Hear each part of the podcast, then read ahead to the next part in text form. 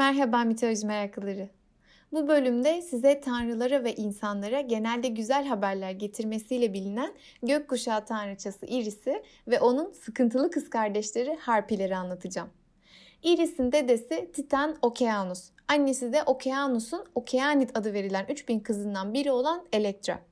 Çok fazla Elektra var mitolojide kafanız karışmasın. E, bu da Okeanus'un kızı olan Elektra. Iris'in babası ise Taumas isimli bir deniz tanrısı. Şimdi denizler Poseidon'un yönetiminde değil miydi diye şaşırmayın. Çünkü bir sürü denizden sorumlu tanrı oluyor. Yani küçük küçük denizlerden sorumlu deniz tanrıları oluyor. Taumas'ın kelime anlamı ise mucize. Neyse çok karışık soyaçlarına girmeyelim.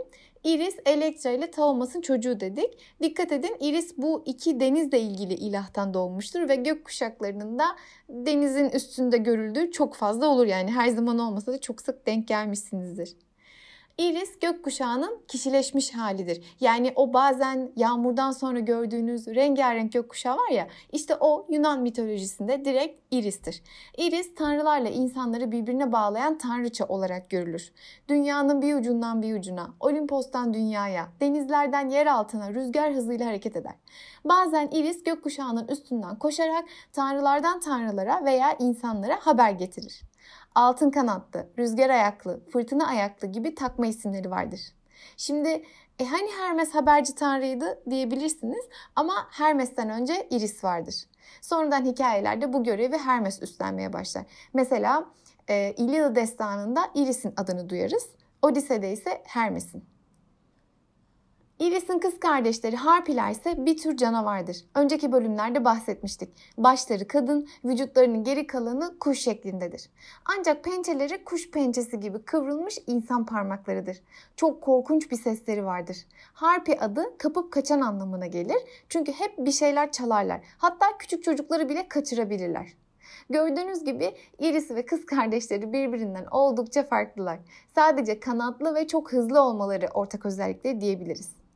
Iris Olimpos tanrıları tarafından çok sevilirken kardeşleri Harpiler baş belası olarak görülürler. Çünkü Titanlar ve tanrılar arasında yapılan Titanomaki adı verilen savaşta Iris Olimpos tanrılarının tarafına katılmış ve onlara haber getirip götürmek için çalışmıştır.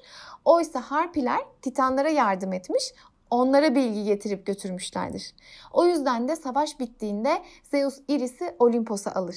Hatta Iris ve Hera'nın arası da bayağı iyidir. E, ama Zeus harpileri cezalandırır. Mesela adı Arke olan harpinin kanatlarını keser ve hediye olarak Akileus'un annesi Tetis'e düğününde armağan eder. Oradan da kanatlar Akileus'a devrolur. O da kanatları ayaklarına takar. O yüzden Akileus da inanılmaz hızlıdır. Iris kendi başına pek olayı olan bir tanrıça değil ama onu bazı olayların içinde görürüz. Mesela Instagram'dan takip edenlerin bildiği üzere tanrılar aralarında bir anlaşmazlık olduğu zaman Styx Nehri üzerine yemin ederler. Bunu paylaşmıştım. Styx Nehri de aslında bir tanrıçadır ama sevilmeyen bir tanrıça. O yüzden Styx Hades'te yani ölüler diyarında akar, orada yer alır. Burası yerin altında karanlık, sevimsiz bir yerdir. O yüzden Iris de başkaları da buraya pek uğramaz. Ama işte bazen tanrılardan biri yalan söylediğinde gerçek ortaya çıksın diye Zeus Iris'i ölüler diyarına gönderip Styx nehrinden bir tas su almasını ister. Iris bu suyu getirir ve arasında anlaşmazlık olan tanrılar bu suyun üstüne yemin ederler. Hangi tanrı yalan yere yemin etmişse hemen nefessiz kalır. Bu da o suyun gücü. Hemen nefessiz kalır, donar ve bir yıl boyunca hareket edemez. Tanrıların yiyeceği ambrosya ve içeceği nektardan da tüketemez. Bir yılın sonunda kendine gelir ama cezası devam eder. Bu sefer de tanrıların şölenlerine katılamaz. Bu cezada 9 yıl boyunca devam eder. Yani yalan yere yemin etmenin cezası tam 10 yıl sürer. Keşke gerçekte de böyle olsa değil mi arkadaşlar? Iris'in yer aldığı diğer olayları da sıralayalım. Hani Hades Persefon'u yer altına kaçırdığında Persefon'un annesi hasat ve bereket tanrıçası Demeter her yerde onu aramıştı da bulamayınca işlerini yapamayıp yeryüzünü açlık ve kuraklığa mahkum etmişti ya hani. İşte o zaman Zeus insanların ve dünyanın haline acıyıp Iris'le Demeter'e haber gönderir. Şu kederinden bir kurtul da işinin başına dön. Kendini tapınağa kapattın çıkmıyorsun. Olmaz böyle der. Ama Demeter ikna olmaz. E, Iris bir Hermes değil sonuçta. Bir diğer olay da Zeus'un zincire vurduğu Prometheus'un salınması. Hatırlarsınız Prometheus ateşi tanrılardan çalıp insanlara verdiği için çok büyük bir işkenceye mahkum edilmişti. Herakles Prometheus'u ziyaret ettiğinde onu zincirlerden kurtarmıştı ve bunu yapması için emri Zeus yine Iris'te haber göndererek e, Herakles'e iletmişti. Bir diğer olaysa Kral Priamos'un Akileus'a gitmesi. Hatırlayın Truva Savaşı'nda Akileus Truva prenslerinden Hektor'u öldürmüştü ve cesedini vermeyip işkence etmişti. Ölü beden usullere uygun şekilde gömülmezse ruh ölüler diyarında huzur bulamaz. O yüzden Hektor'un babası Truva kralı Priamos oğlunun ölü bedenini Akileus'tan nasıl alacağını kara kara düşünürken Zeus Iris'i Priamos'la konuşması için gönderir. Şöyle der. Kendi akıllıların gemilerine gitsin, Akileus'a gönlünü okşayacak parlak hediyeler götürsün, oğlunu kurtarsın. Hiçbir Troyalı beraber gitmeyecek. Yalnız bir çavuş hizmetine bakacak, katırların arabasını sürecek. Sonra cesedi alıp şehre getirecektir. Yüreğine can kaygısı girmesin. Biz ona Hermes'i kılavuz vereceğiz. Akileus'un yanına o götürecek. Akileus ne çılgın ne kördür. Suçu da sevmez. Yalvarıcıya saygı gösterecektir.''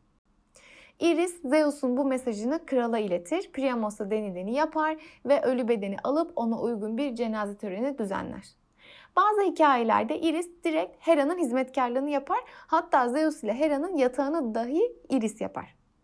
Bir hikayede Truva'dan kaçıp Roma İmparatorluğu'nun ilk temellerini atacak olan Aeneas Sicilya'ya vardığında Truvalılara ta Paris altın elmayı ona vermediğinden beri düşman olan Hera ona karşı bir kumpas kurar.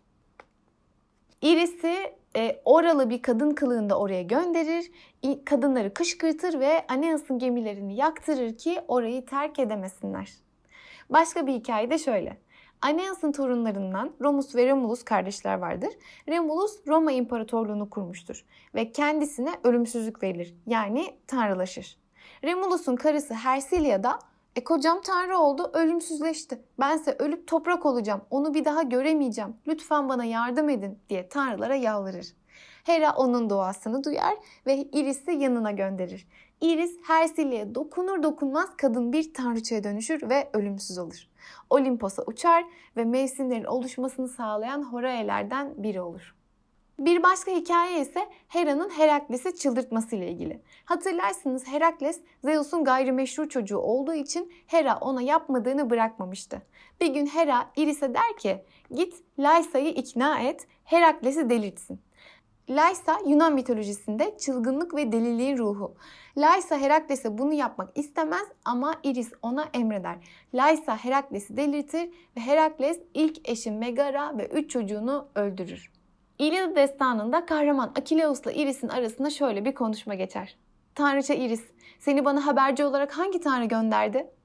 Rüzgar ayaklı Iris cevap verdi. Beni Hera, Zeus'un şanlı karısı gönderdi. Yukarıdaki tepelerde tahtını kuran Kronos oğlunun ve yukarı Olimpos'ta oturan ölümsüzlerin bundan haberleri yoktur. Akileus, nasıl edeyim de kanlı boğuşa gideyim? Benim silahlarım onlarda. Annemse Olimpos'a giderken kendi dönünceye kadar silahlanmamak tembihinde bulundu. Hephaistos'tan bana ün salmış silahlar getirmek üzere yola çıkmıştı. Ben de kendim hangi savaşçının silahlarını takınabileceğimi göremiyorum. Olsa olsa bir Ayas Telemanoğlu'nun kalkanı var. Fakat eminim şu saatte Ayas düşmanın ilk saflarında Patrokulos'un cesedini savunmak için parlak mızrağı ile savaşmaktadır. Rüzgar ayaklı Çevik İlis cevap verir. Biz de iyi biliyoruz senin silahların başka ellerdedir. Fakat böyle olduğun gibi hendeye kadar git. Troyalılara görün bakalım. Korkuya tutularak savaşmaktan vazgeçerler.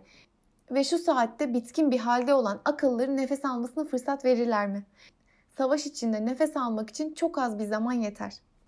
Akileus Iris'in dediğini yapar ve Truvalara görünmesi bile onları korkutmaya yeter. Başka bir hikayede Iris'in baş belası kız kardeşleri Harpileri koruduğunu görürüz. Harpiler Pineus adındaki bir kör kahini rahatsız etmektedirler. Bu Pineus bazı kaynaklarda Trakya kralı, bazı kaynaklarda da bir kahin olarak geçer. İşlediği bir suçun cezası olarak tanrılar onu kör etmiştir. Harpileri de başına musallat etmişlerdir. Tam yemek yiyecekken harpiler onun yiyeceklerini çalıyor ya da kirletiyorlardır. Zaten harpiler dokundukları yere iğrenç bir koku bıraktıklarından onların değmesi bir şey kirletmek için yeterlidir. Bu kör kahini Rüzgar Boreas'ın oğulları Kalais ve Zetes korumaktadır. Bu iki adam harpileri kovalarlar. Iris onların karşısına dikilir ve Ulu Zeus'un köpeklerini kılıçla kovalamak Temis'e aykırıdır der. Temis neydi? Kanun demekti, hukuk demekti Temis.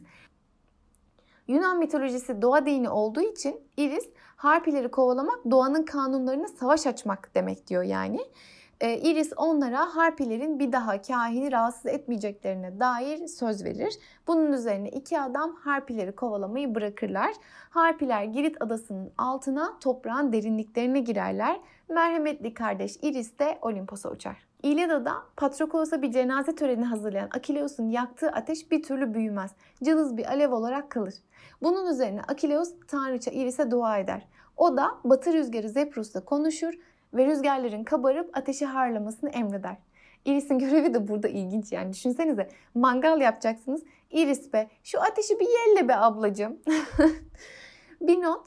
İlyada destanında Paflagonya diye bir bölgeden bahsedilir. Bu bölge bugünkü Karadeniz'de Kastamonu, Sinop, Bartın, Çankırı ve Karabük içine alan bölgedir. Burada akan bir Iris nehrinden bahsediliyor.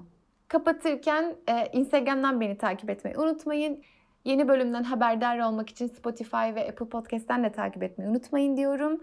Ee, ve Yunan mitolojisi diyor ki eğer bir gün gökte irisi görürseniz bilin ki tanrılardan birilerine haber var. Hep güzel haberler almanız dileğiyle.